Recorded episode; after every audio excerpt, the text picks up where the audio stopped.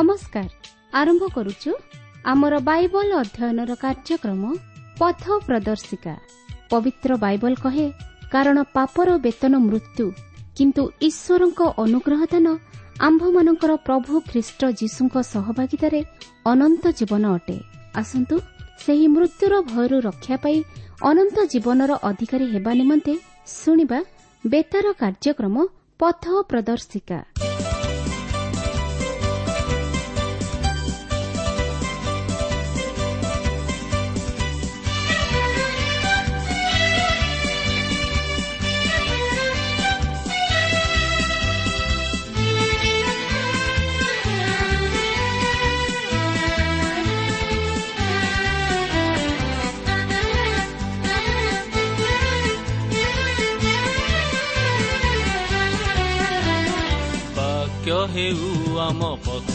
ପ୍ରଦର୍ଶକ କୃଷ ହେଉ ଆମ ସ୍ୱପ୍ନ କୃଷ ଦୂରେ ନେବ ସକଳର ଦୁଃଖ ପାପ ତିମିରା ଛନ୍ନ ବାକ୍ୟ ହେଉ ଆମ ପଥ ପ୍ରଦର୍ଶକ କୃଷ ହେଉ ଆମ ସ୍ୱପ୍ନ କୃଷ ଦୂରେ ନେବ ସକଳର ଦୁଃଖ ପାପ ତିମିରା ଛନ୍ନ ବାକ୍ୟ ହେଉ ଆମ ପଥ ପ୍ରଦର୍ଶକ କୃଷିୟ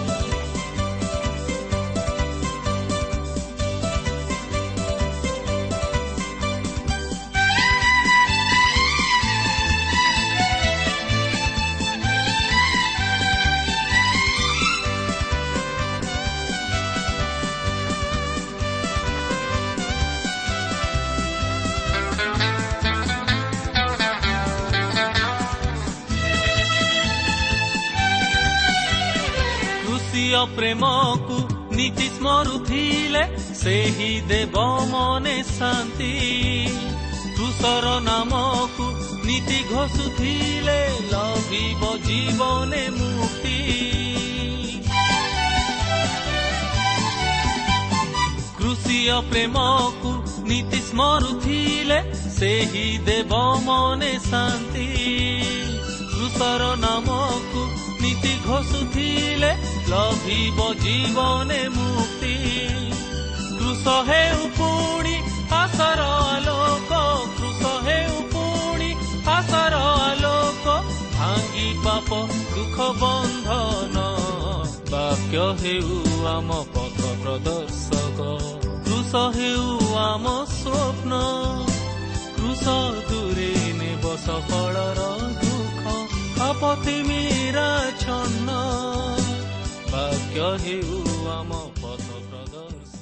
ପ୍ରିୟ ଶ୍ରୋତା ବନ୍ଧୁ ଆଜିର ଏହି ଶୁଭ ଅବସରରେ ଆମମାନଙ୍କର ସୃଷ୍ଟିକର୍ତ୍ତା ତଥା ଉଦ୍ଧାରକର୍ତ୍ତା ପ୍ରଭୁ ଯୀଶୁଖ୍ରୀଷ୍ଟଙ୍କ ବହୁମୂଲ୍ୟ ନାମରେ ଶୁଭେଚ୍ଛା ଜଣାଏ।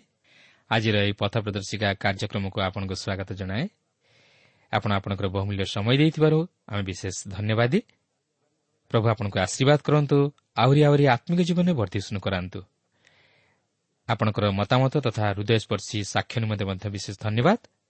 କିନ୍ତୁ ଆମର ଅନୁରୋଧ ଆପଣ ଏହି କାର୍ଯ୍ୟକ୍ରମ ନିଜେ ଶୁଣିବା ସଙ୍ଗେ ସଙ୍ଗେ ଅନ୍ୟମାନଙ୍କୁ ମଧ୍ୟ ଶୁଣାଇବାରେ ସାହାଯ୍ୟ କରନ୍ତୁ। ଆସନ୍ତୁ ପ୍ରଭୁଙ୍କର ବାକ୍ୟ ମଧ୍ୟକୁ ଯିବା ପୂର୍ବରୁ ସଂକ୍ଷେପରେ ପ୍ରାର୍ଥନା କରିବା। ପବିତ୍ର ପ୍ରଭୁ ଧନ୍ୟବାଦ କରୁଅଛୁ ଏହି ସୁନ୍ଦର ସମୟ ପାଇଁ ତୁମର ଜୀବନ୍ତ ବାକ୍ୟ ପାଇଁ। ପ୍ରଭୁ ସେ ବାକ୍ୟକୁ ବୁଝିବା ନିମନ୍ତେ ତୁମେ ଆମମାନଙ୍କୁ ଜ୍ଞାନ ବିଶିଷ୍ଟ ଅନ୍ତଃକରଣ ଦାନ କର ଏବଂ ପ୍ରଭୁ ଧୀର ସ୍ଥିର ଚିତ୍ତରେ ଓ ସରଳ ହୃଦୟରେ ତୁମର ବାକ୍ୟକୁ ଶୁଣିବା ନିମନ୍ତେ ଆମମାନଙ୍କୁ ପ୍ରଭୁ ତୁମେ ସରଳ ହୃଦୟ ଦିଅ ସରଳ ବିଶ୍ୱାସ ଦିଅ ଏବଂ ପ୍ରଭୁ ସେ ବାକ୍ୟ ଅନୁଯାୟୀ ଜୀବନଯାପନ କରିବା ନିମନ୍ତେ ତୁମେ ଆମମାନଙ୍କୁ ଶକ୍ତି ଦିଅ ଆଉ ତୁମର ଆଶୀର୍ବାଦ ତୁମେ ଆମ ପ୍ରତ୍ୟେକଙ୍କୁ ଦାନ କର। ଯୀଶୁଙ୍କ ନାମରେ ମାଗୁଅଛୁ। ଆମେନ୍।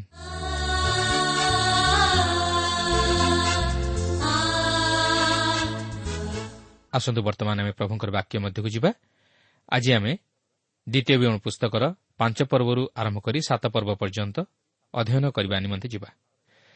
ପ୍ରଥମେ ଆମେ ପାଞ୍ଚ ପର୍ବ ମଧ୍ୟକୁ ଯିବା ଯେଉଁଠାରେ ଈଶ୍ୱର ତାଙ୍କର ଲୋକମାନଙ୍କୁ ଦେଇଥିବା ଦଶ ଆଜ୍ଞାକୁ ମୋସା ଇସ୍ରାଏଲ୍ର ନୂତନ ବଂଶଧରଙ୍କ ନିକଟରେ ପୁନର୍ବାର ଉପସ୍ଥାପିତ କରନ୍ତି।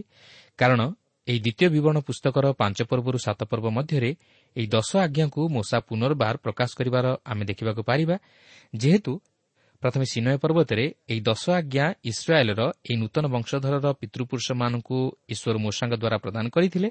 ମାତ୍ର ସେମାନେ ପ୍ରାନ୍ତର ମଧ୍ୟରେ ଭ୍ରମଣ କରିବାର ଚାଳିଶ ବର୍ଷ ମଧ୍ୟରେ ମଲେ କିନ୍ତୁ ଏହି ନୂତନ ବଂଶଧର ସେହି ପ୍ରତିଜ୍ଞାତ ଦେଶରେ ପ୍ରବେଶ କରିବାକୁ ଯାଉଅଛନ୍ତି। ସେମାନେ ବର୍ତ୍ତମାନ ଏହି ଦଶ ଆଜ୍ଞା ପାଇବା ଆବଶ୍ୟକ ଓ ସେହି ଆଜ୍ଞା ସମସ୍ତ ସେମାନଙ୍କ ନିକଟରେ ବ୍ୟାଖ୍ୟା କରାଯିବା ଆବଶ୍ୟକ।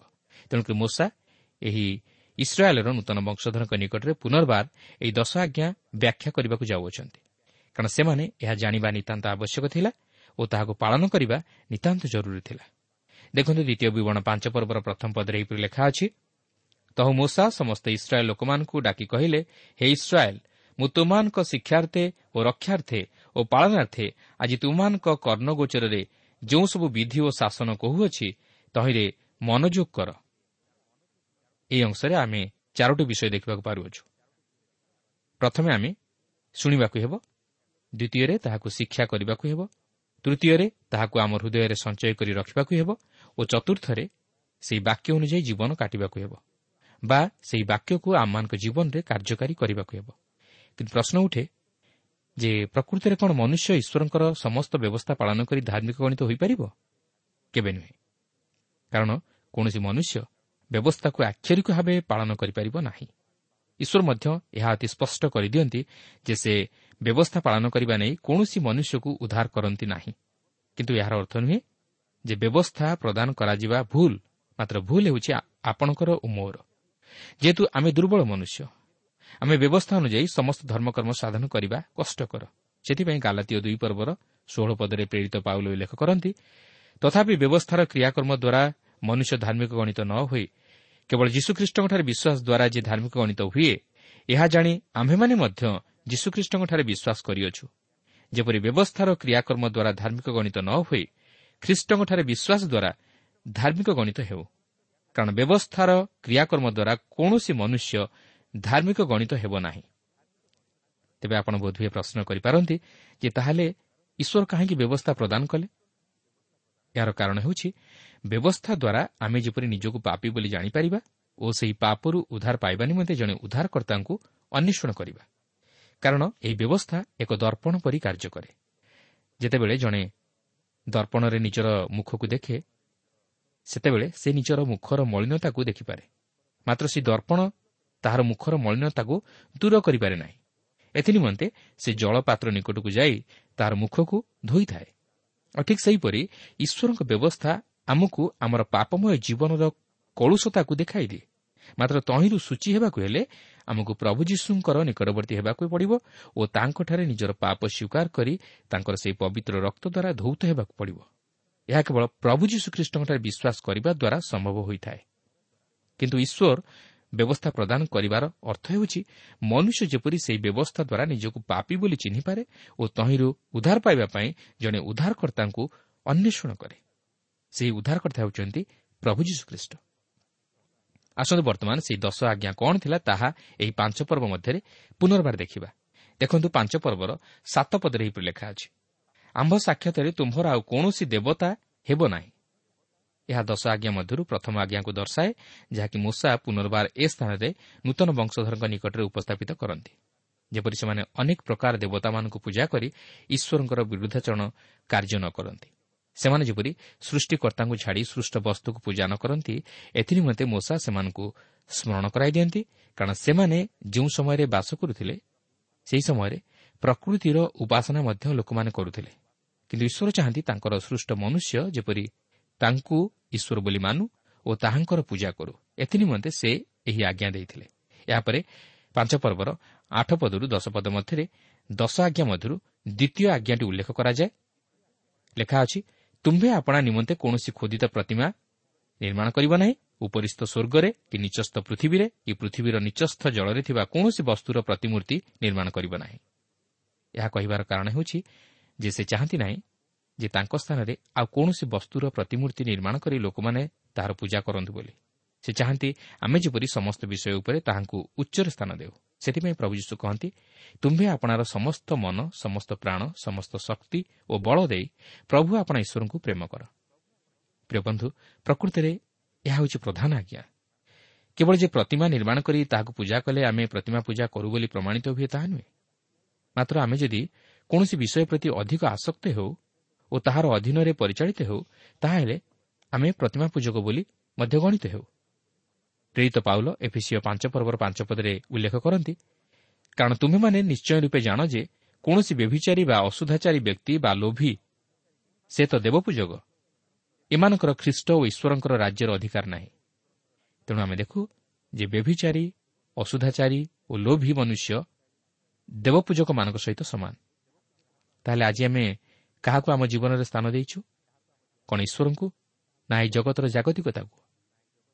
ଯଦି କୌଣସି ବିଷୟକୁ ଆମମାନଙ୍କ ଜୀବନରେ ଆମେ ଈଶ୍ୱରଙ୍କଠାରୁ ଅଧିକ ଉଚ୍ଚରେ ସ୍ଥାନ ଦେଇଛୁ ତାହେଲେ ଆମେ ଈଶ୍ୱରଙ୍କର ଆଜ୍ଞା ଲଙ୍ଘନ କରି ପ୍ରତିମା ପୂଜା କରୁଅଛୁ।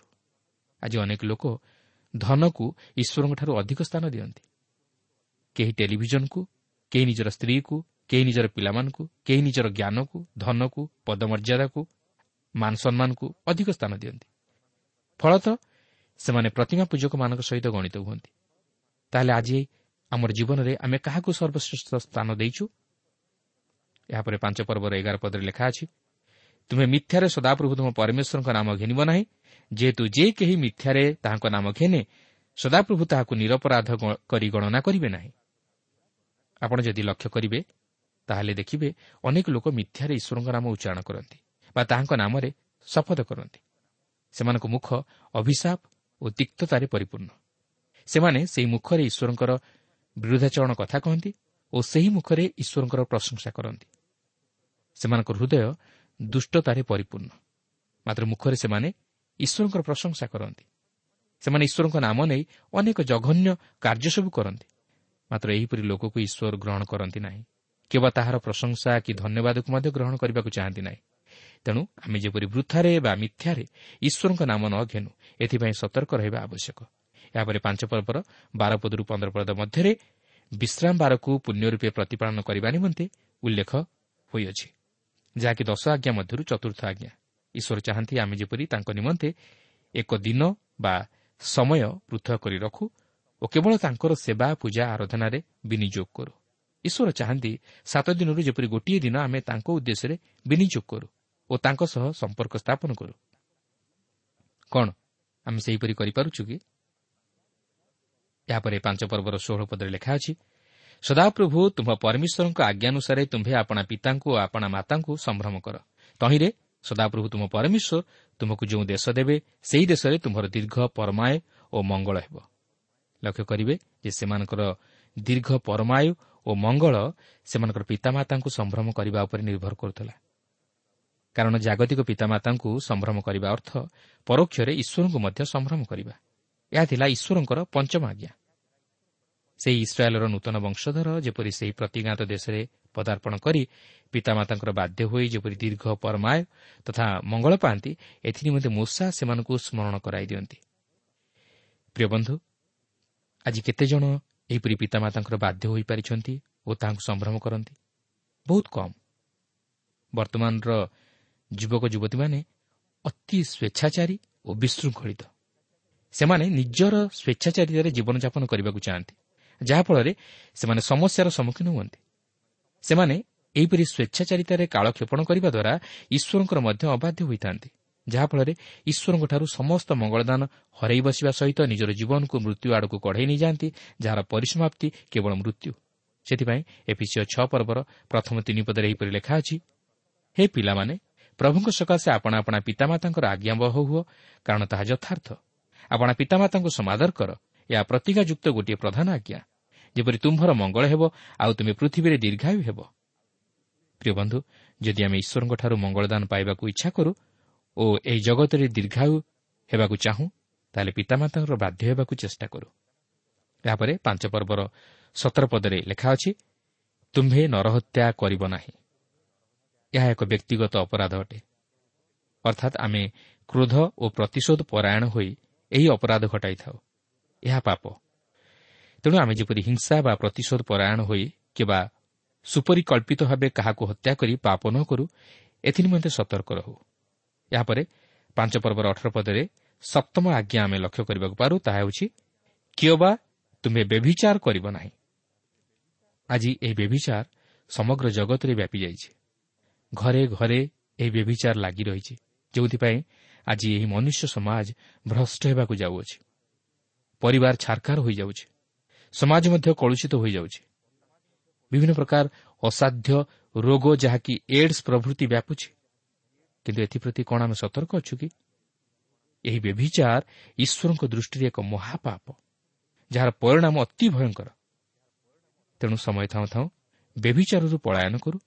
ଓ ନିଜର ପାପ ନିମନ୍ତେ ଅନୁତାପ କରି ଖ୍ରୀଷ୍ଟ ଯୀଶୁଙ୍କ ନିକଟରେ ତାହା ସ୍ୱୀକାର କରି କ୍ଷମା ମାଗି ପାପରୁ ଉଦ୍ଧାର ପ୍ରାପ୍ତ ହେଉ ଓ ତହିଁ ସଙ୍ଗେ ସଙ୍ଗେ ନିଜକୁ ଓ ନିଜର ପରିବାରକୁ ତଥା ସମାଜକୁ ଧ୍ୱଂସ ମୁଖରୁ ରକ୍ଷା କରୁ। ଏହାପରେ ପାଞ୍ଚ ପର୍ବର ଉଣେଇଶ ପଦରେ ଅଷ୍ଟମ ଆଜ୍ଞା ଏହିପରି ପ୍ରକାଶ କରେ କିଏ ବା ତୁମ୍ଭେ ଚୋରି କରିବ ନାହିଁ। ବର୍ତ୍ତମାନ ଏହି ଚୋରି ବିଭିନ୍ନ ଆକାରରେ ମନୁଷ୍ୟ କରୁଛି। କେହି ହୁଏତ ପରୋକ୍ଷରେ ବା କେହି ହୁଏତ ପ୍ରତ୍ୟକ୍ଷରେ। ମନୁଷ୍ୟ ଯଦି ଅନ୍ୟର ପ୍ରାପ୍ୟ ବିଷୟ ବସ୍ତୁକୁ ଅପହରଣ କିମ୍ବା ଆତ୍ମସାତ କରେ ତାହେଲେ ସେ ଚୋରି କରେ। ଓ ଯଦି ସେ ଈଶ୍ୱରଙ୍କ ପ୍ରାପ୍ୟ ବିଷୟକୁ ଅପହରଣ କରେ ବା ନ ଦିଏ ତାହେଲେ ସେ ମଧ୍ୟ ଚୋରରେ ସାବ୍ୟସ୍ତ ହୁଏ। ତେବେ ଆଜି କ'ଣ ଏହିପରି ଆମମାନେ ଚୋରି କରୁନାହୁଁ କି? ଆମେ ଲାଞ୍ଚ ନେଉ ଓଜନରେ ଠକୁ ପ୍ରତ୍ୟେକ ଜିନିଷକୁ ଭେଜାଲ କରି ବିକ୍ରି କରୁ ପରର ଦ୍ରବ୍ୟ ଅପହରଣ କରୁ ଏହିସବୁ କାର୍ଯ୍ୟ ଦ୍ୱାରା ଆମେ କ'ଣ ଚୋରି କରୁନାହୁଁ କି ନିଶ୍ଚୟ କିନ୍ତୁ ଈଶ୍ୱରଙ୍କ ଦୃଷ୍ଟିରେ ଏହା ମହାପାପ ବୋଲି ଗଣିତ ହୁଏ। ସେଥିପାଇଁ ମୂଷା ଇସ୍ରାଏଲ୍ର ସେହି ନୂତନ ବଂଶଧରକୁ ସ୍ମରଣ କରାଇ ଦିଅନ୍ତି ଯେ ତୁମେମାନେ ଚୋରି କରିବ ନାହିଁ। ଏହାପରେ ପାଞ୍ଚ ପର୍ବର କୋଡ଼ିଏ ଓ ଏକୋଇଶ ପଦରେ ନବମ ଓ ଦଶମ ଆଜ୍ଞା ବିଷୟରେ ଲେଖା ଅଛି। ଗୋଟିଏ ହେଲା ପ୍ରତିବାସୀ ବିରୁଦ୍ଧରେ ମିଥ୍ୟା ସାକ୍ଷ୍ୟ ଦିଅ ନାହିଁ ଓ ଅନ୍ୟଟି ହେଲା ପ୍ରତିବାସୀର କୌଣସି ବସ୍ତୁକୁ ଲୋଭ କର ନାହିଁ। ଯାହାକି ଆମର ଦୈନନ୍ଦିନ ଜୀବନରେ ପ୍ରାୟ ଘଟୁଅଛି। କ'ଣ ଆମେ ସେଥିପାଇଁ ସତର୍କ ଅଛୁ କି? ଏଠାରେ ମୂଷା ଇସ୍ରାଏଲ୍ର ନୂତନ ବଂଶଧରକୁ ତାହା ସ୍ମରଣ କରାଇ ଦିଅନ୍ତି ଯେପରି ସେମାନେ ସେହି ଦେଶରେ ପ୍ରବେଶ କରି ସେହି ସମସ୍ତ ଆଜ୍ଞା ପାଳନ କରି ସତର୍କ ରୁହନ୍ତି। କିନ୍ତୁ ଦୁଃଖର ବିଷୟ ଏହି ଯେ ଇସ୍ରାଏଲ୍ ସନ୍ତାନଗଣ ତାହା ପାଳନ କରିବାରେ ବିଫଳ ହେଲେ। ଆଜି ମଧ୍ୟ ଆମେ ସେହି ସମସ୍ତ ଆଜ୍ଞା ପାଳନ କରିବାରେ ବିଫଳ ହୋଇଅଛୁ। କିନ୍ତୁ ଧନ୍ୟ ସେହି ପ୍ରେମମୟ ଈଶ୍ୱର ଯିଏକି ଆମମାନଙ୍କୁ ପାପରୁ ଉଦ୍ଧାର କରିବା ନିମନ୍ତେ ତାହାଙ୍କର ଅଦ୍ୱିତୀୟ ପ୍ରିୟପୁତ୍ର ଯୀଶୁଙ୍କୁ ଏହି ଜଗତକୁ ପଠାଇ ଆମମାନଙ୍କ ନିମନ୍ତେ ଉଦ୍ଧାରର ପଥ ସାଧନ କଲେ। ଆଜି ଯଦି ଆମେ ସେହି ପ୍ରଭୁ ଯୀଶୁଖ୍ରୀଷ୍ଟଙ୍କଠାରେ ବିଶ୍ୱାସ କରି ନିଜର ପାପ ସ୍ୱୀକାର କରୁ ତାହେଲେ ସେ ଆମକୁ ପାପରୁ ଉଦ୍ଧାର କରି ଏକ ପବିତ୍ର ଜୀବନଯାପନ କରିବା ନିମନ୍ତେ ସହାୟକ ହେବେ ଯାହାଙ୍କ ଧାର୍ମିକତା ଦ୍ୱାରା ଆମେ ଧାର୍ମିକ ବୋଲି ଗଣିତ ହୋଇପାରିବା। କାରଣ ବ୍ୟବସ୍ଥା ପାଳନ କରି କୌଣସି ଲୋକ ଧାର୍ମିକ ଗଣିତ ହୋଇପାରିବ ନାହିଁ। ଯେହେତୁ ପବିତ୍ର ବାଇବଲ କହେ ସମସ୍ତେ ପାପ କରିଅଛନ୍ତି ଓ ଈଶ୍ୱରଙ୍କ ମହିମାରୁ ଉଣା ପଡ଼ିଅଛନ୍ତି। ତାଛଡ଼ା ଆହୁରି ମଧ୍ୟ ଲେଖା ଅଛି ଧାର୍ମିକ କେହି ନାହିଁ ନା ଜଣେ ହିଁ ନାହିଁ। ପ୍ରିୟ ବନ୍ଧୁ ଆଜି କ'ଣ ଆପଣ ସେହି ଦଶ ଆଜ୍ଞାକୁ ପାଳନ କରିପାରିଛନ୍ତି କି? ନା ପାଳନ କରିପାରିବେ? ଯଦି ପାଳନ କରିପାରି ନାହାନ୍ତି ତାହେଲେ ଆପଣ ସେହି ଉଦ୍ଧାରକର୍ତ୍ତା ପ୍ରଭୁ ଯୀଶୁଙ୍କ ନିକଟକୁ ଯାଆନ୍ତୁ ଓ ତାଙ୍କ ନିକଟରେ ନିଜର ପାପ ସ୍ୱୀକାର କରନ୍ତୁ। କାରଣ ସେ ଆପଣଙ୍କ ପାପ ପାଇଁ କୃଷରେ ମରିଛନ୍ତି ଓ ଆପଣଙ୍କ ନିମନ୍ତେ ନିଜର ପବିତ୍ର ରକ୍ତ ଦେଇଛନ୍ତି। ସେ ହିଁ କେବଳ ଆପଣଙ୍କର ପାପ କ୍ଷମା କରି ଓ ସମସ୍ତ ଅଧାର୍ମିକତାରୁ ଆପଣଙ୍କୁ ପରିଷ୍କାର କରି ଈଶ୍ୱରଙ୍କର ସନ୍ତାନ ହେବାର ଅଧିକାର ଦେବେ। ଆସନ୍ତୁ ଏହାପରେ ଆମେ ଦ୍ୱିତୀୟ ବିବରଣ ପୁସ୍ତକର ଛଅ ପର୍ବଟିକୁ ଆଲୋଚନା କରିବା। ଏହି ପର୍ବରେ ମୂଷା ସେମାନଙ୍କୁ କହନ୍ତି ତୁମେମାନେ ଈଶ୍ୱରଙ୍କୁ ପ୍ରେମ କର ଓ ତାଙ୍କର ଆଜ୍ଞା ପାଳନ କର। ସେ ପାଞ୍ଚ ପର୍ବରେ ଯେଉଁ ସବୁ ଆଜ୍ଞା ଦେଇଥିଲେ ତାହା ସେମାନେ ଯେପରି ସେହି ପ୍ରତିଘାତ ଦେଶରେ ପ୍ରବେଶ କରି ପାଳନ କରିବେ ଏଥିପାଇଁ ସେ ସେମାନଙ୍କୁ ଆଜ୍ଞା ଦିଅନ୍ତି। କାରଣ ଏହା ଈଶ୍ୱରଙ୍କର ଆଜ୍ଞା ଥିଲା ଯାହାକି ଈଶ୍ୱର ମୋଷାଙ୍କ ଦ୍ୱାରା ଇସ୍ରାଏଲ୍ ଜାତି ନିକଟରେ ପ୍ରକାଶ କରନ୍ତି ଓ ତାହାକୁ ପାଳନ କରିବା ନିମନ୍ତେ କହନ୍ତି। କାରଣ ଈଶ୍ୱର ତାଙ୍କର ଲୋକମାନଙ୍କୁ ପ୍ରେମ କରନ୍ତି ଓ ସେ ଚାହାନ୍ତି ଆମେ ଯେପରି ତାହାଙ୍କୁ ପ୍ରେମ କରୁ। କିନ୍ତୁ କେତେବେଳେ ଆମେ ତାହାଙ୍କୁ ପ୍ରେମ କରିବା? ଯେତେବେଳେ ଆମେ ତାହାଙ୍କର ଆଜ୍ଞା ସମସ୍ତ ପାଳନ କରିବା। ସେଥିପାଇଁ ପ୍ରଭୁ ଯୀଶୁ କହନ୍ତି ଯଦି ତୁମେମାନେ ମୋତେ ପ୍ରେମ କର ତାହାହେଲେ ମୋହର ଆଜ୍ଞା ସମସ୍ତ ପାଳନ କରିବ। ଏହି ଦ୍ୱିତୀୟ ବିବରଣ ଛଅ ପର୍ବରେ ମୂଷା ଈଶ୍ୱରଙ୍କ ପ୍ରତି ବାଧ୍ୟତା ଓ ପ୍ରେମ ଉପରେ ଗୁରୁତ୍ୱ ଦିଅନ୍ତି। ଯେପରି ସେହି ଇସ୍ରାଏଲ୍ ସନ୍ତାନଗଣ ସେହି ପ୍ରତିଜ୍ଞାତ ଦେଶରେ ବାସ କରି ତାହା ସାଧନ କରନ୍ତି।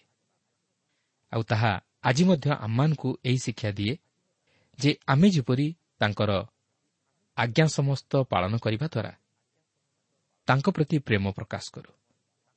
କିନ୍ତୁ ମନୁଷ୍ୟ ଈଶ୍ୱରଙ୍କୁ ପ୍ରେମ କରିପାରିଲା ନାହିଁ। ମାତ୍ର ଈଶ୍ୱର ଜଗତକୁ ପ୍ରେମ କରି ତାଙ୍କର ଅଦ୍ୱିତୀୟ ପ୍ରିୟ ପୁତ୍ର ପ୍ରଭୁ ଯୀଶୁଖ୍ରୀଷ୍ଟଙ୍କୁ ଏହି ଜଗତକୁ ପଠାଇ ଆମ୍ଭମାନଙ୍କ ନିମନ୍ତେ ପରିତ୍ରାଣ ସାଧନ କଲେ। ଏହାପରେ ସାତ ପର୍ବରେ ମୂଷା ସେମାନଙ୍କୁ କହନ୍ତି ତୁମେମାନେ ସେହି ଦେଶରେ ପ୍ରବେଶ କଲେ ତୁମମାନଙ୍କ ଶତ୍ରୁମାନଙ୍କୁ ସମୂଳେ ବିନାଶ କରିବ ଓ ସେମାନଙ୍କ ସହିତ କୌଣସି ସମ୍ପର୍କ ରଖିବ ନାହିଁ କିମ୍ବା ସେମାନଙ୍କ ସହିତ ବିବାହ କରିବ ନାହିଁ କିମ୍ବା ସେମାନଙ୍କର ଦେବତାମାନଙ୍କୁ ପୂଜା କରିବ ନାହିଁ। ତୁମେମାନେ ସେମାନଙ୍କଠାରୁ ସମ୍ପୂର୍ଣ୍ଣ ପୃଥକୀକୃତ ଜୀବନ କାଟିବ ଓ ଈଶ୍ୱରଙ୍କର ପବିତ୍ରତା ରକ୍ଷା କରିବ। ପ୍ରିୟ ବନ୍ଧୁ ଆଜି ମଧ୍ୟ ଈଶ୍ୱର ଚାହାନ୍ତି ଆମେ ଯେପରି ଏହି ଜଗତରେ ଏକ ପୃଥକୀକୃତ ଜୀବନଯାପନ କରୁ। ଅର୍ଥାତ୍ ଜଗତର ସମସ୍ତ ପ୍ରକାର ମନ୍ଦ ବିଷୟଠାରୁ ମନ୍ଦ ସଂସର୍ଗତାଠାରୁ ଭୋଗବିଳାସରୁ ଓ ଜଗତର ଜାଗତିକତାଠାରୁ ଦୂରେଇ ରହି ଈଶ୍ୱରଙ୍କ ନିମନ୍ତେ ପବିତ୍ର ଜୀବନଯାପନ କରୁ। ତାହା ଈଶ୍ୱର ଆମମାନଙ୍କ ଜୀବନରୁ ଆଶା କରନ୍ତି।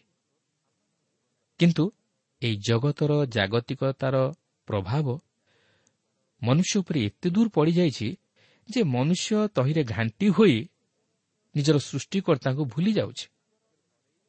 ନିଜର ଶାନ୍ତି ହରାଇଲେ ମଧ୍ୟ ସମସ୍ୟାର ସମ୍ମୁଖୀନ ହେଲେ ମଧ୍ୟ ମନୁଷ୍ୟ ଜଗତକୁ ପ୍ରେମ କରିବାରୁ ଦୂରେଇ ରହିପାରୁନାହିଁ। ସେହି ଜଗତ ପ୍ରତି ସେ ଆକୃଷ୍ଟ ହେଉଛି। ଏତେଦୂର ସେ ଆକୃଷ୍ଟ ହୋଇଯାଉଛି ଯେ ଈଶ୍ୱରଙ୍କୁ ଧ୍ୟାନ କରିବା ପାଇଁ ତାହାକୁ ସମୟ ହୁଏ ନାହିଁ। କି ଈଶ୍ୱରଙ୍କ ପାଇଁ କିଛି ସମୟ ଦେବା ପାଇଁ ତା ପକ୍ଷରେ ସମ୍ଭବ ନୁହେଁ। କିନ୍ତୁ ଈଶ୍ୱରଙ୍କ ବାକ୍ୟ କହେ ମନୁଷ୍ୟ ଯେବେ ସମଗ୍ର ଜଗତ ଲାଭ କରି ଆପଣା ଜୀବନ ହରାଏ ତହିଁରେ ତାହାର କି ଲାଭ ହେବ? ପ୍ରିୟ ବନ୍ଧୁ ଆମ୍ଭେମାନେ ଏହି ଜଗତକୁ କିଛି ଆଣିନାହୁଁ କି ଜଗତରୁ କିଛି ନେଇଯିବା ନାହିଁ। ଜଗତର ବିଷୟ ଜଗତରେ ପଡ଼ି ରହିବ। କିନ୍ତୁ ଯଦି ଆମେ ଈଶ୍ୱରଙ୍କ ପାଇଁ କିଛି କରିଥିବା ଆଉ ଯଦି ଆମେ ଈଶ୍ୱରଙ୍କ ନିମନ୍ତେ ବଞ୍ଚିଥିବା ତାହେଲେ ସେହି ପୁରସ୍କାରର ଆମେ ଅଧିକାରୀ ହେବା। ପ୍ରିୟ ବନ୍ଧୁ ଆଜି ଆପଣ ନିଜ ଜୀବନକୁ ସମୀକ୍ଷା କରନ୍ତୁ ଆଉ ଦେଖନ୍ତୁ ଯେ ଏହି ଜଗତରେ ଆପଣ ଏପର୍ଯ୍ୟନ୍ତ ଈଶ୍ୱରଙ୍କ ପାଇଁ କ'ଣ କରିପାରିଛନ୍ତି। ଆପଣ କେତେ ଦୂର ଈଶ୍ୱରଙ୍କ ନିମନ୍ତେ ପୃଥକୀକୃତ ଜୀବନଯାପନ କରିପାରିଛନ୍ତି।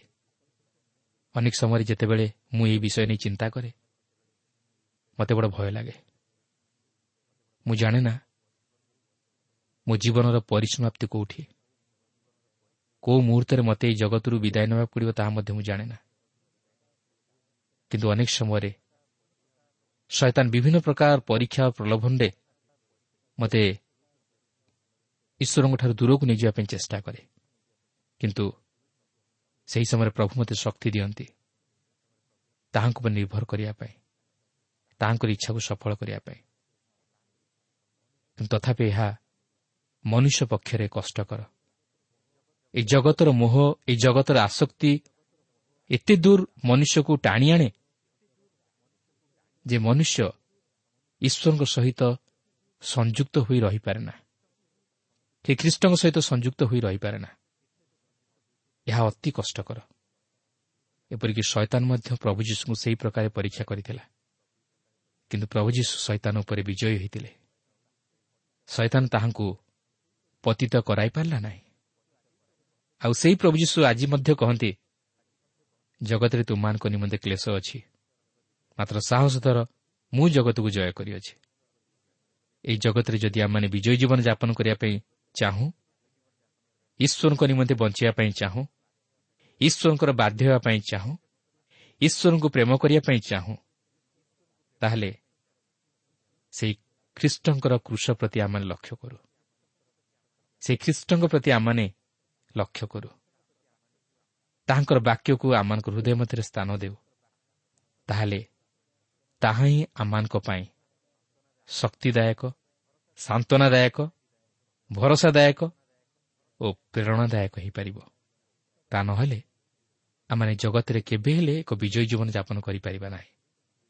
ସେଥିପାଇଁ ଆମମାନଙ୍କୁ ଜଣଙ୍କର ସାହାଯ୍ୟ ଆବଶ୍ୟକ ଯିଏକି ଜଗତକୁ ଜୟ କରିଅଛନ୍ତି। ଆଉ ସେ ହେଉଛନ୍ତି କେବଳ ମାତ୍ର ପ୍ରଭୁ ଯୀଶୁଖ୍ରୀଷ୍ଟ ଯିଏକି ପାପକୁ ଜୟ କରିଅଛନ୍ତି ମୃତ୍ୟୁକୁ ଜୟ କରିଅଛନ୍ତି। ଆଉ ସେ ହିଁ ଆମମାନଙ୍କୁ ମଧ୍ୟ ପାପ ଉପରେ ଜୟଲାଭ କରିବା ପାଇଁ ଶକ୍ତି ଦେବେ ଏବଂ ମୃତ୍ୟୁ ଉପରେ ଜୟଲାଭ କରିବା ପାଇଁ ଶକ୍ତି ଦେବେ।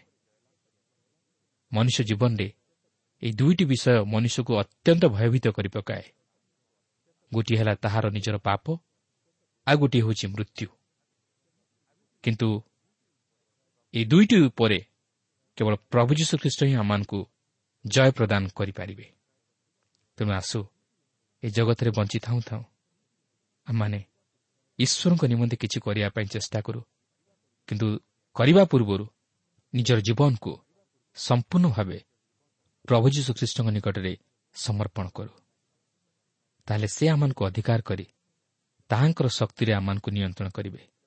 ଆଉ ସେ ଆମମାନଙ୍କୁ ଏହି ଜଗତ ଉପରେ ଏହି ଜଗତର ସମସ୍ତ ମନ୍ଦ ପରୀକ୍ଷା ପ୍ରଲୋଭନ ଉପରେ ଏହି ଜଗତର ସମସ୍ତ ମନ୍ଦ ଆସକ୍ତି ଉପରେ ବିଜୟୀ ଜୀବନଯାପନ କରିବା ପାଇଁ ଶକ୍ତି ଦେବେ ଓ ଆମମାନେ ପାପରୁ ଉଦ୍ଧାରପ୍ରାପ୍ତ ହୋଇ ପ୍ରଭୁଙ୍କ ନିମନ୍ତେ ବଞ୍ଚିପାରିବା ଆଉ ସେହି ଉଦ୍ଧାରର ପଥରେ ଅଗ୍ରସର ହୋଇପାରିବା ଆଉ ସେହି ଅନନ୍ତ ଜୀବନରେ ପ୍ରବେଶ କରିପାରିବା।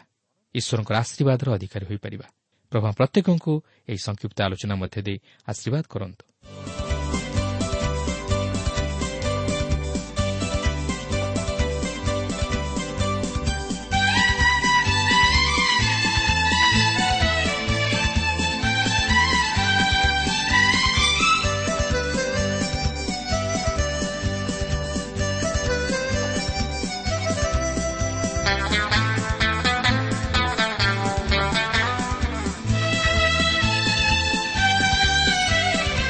ସପାସେ ଆମେ ଅରପିବା ଆଜି ଅଛି ଯେତେ ବାପରାଶି କୃଷ ହିଁ କେବଳ ନେବ ହୃଦୟରୁ ପାପ ଦାଗ ସବୁ ନାଶି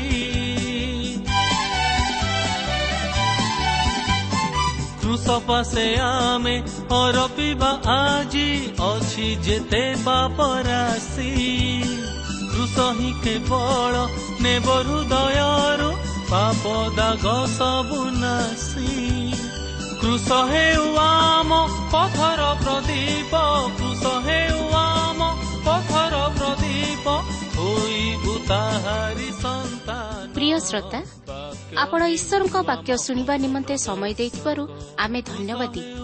ଆପଣ ଯଦି ପ୍ରଭୁ ଯୀଶୁଙ୍କର ବାକ୍ୟ ବିଷୟରେ ଓ ତାହାଙ୍କର ପ୍ରେମ ବିଷୟରେ ଅଧିକ ଜାଣିବାକୁ ଚାହାନ୍ତି ଯାହାକି ଆପଣଙ୍କୁ ପାପରୁ ଉଦ୍ଧାର ପାଇବା ନିମନ୍ତେ ପଥ ଦେଖାଇବ ତାହେଲେ ଆମ ସହିତ ପତ୍ର ମାଧ୍ୟମରେ ଅଥବା ଟେଲିଫୋନ୍ ଯୋଗେ ଯୋଗାଯୋଗ କରନ୍ତୁ।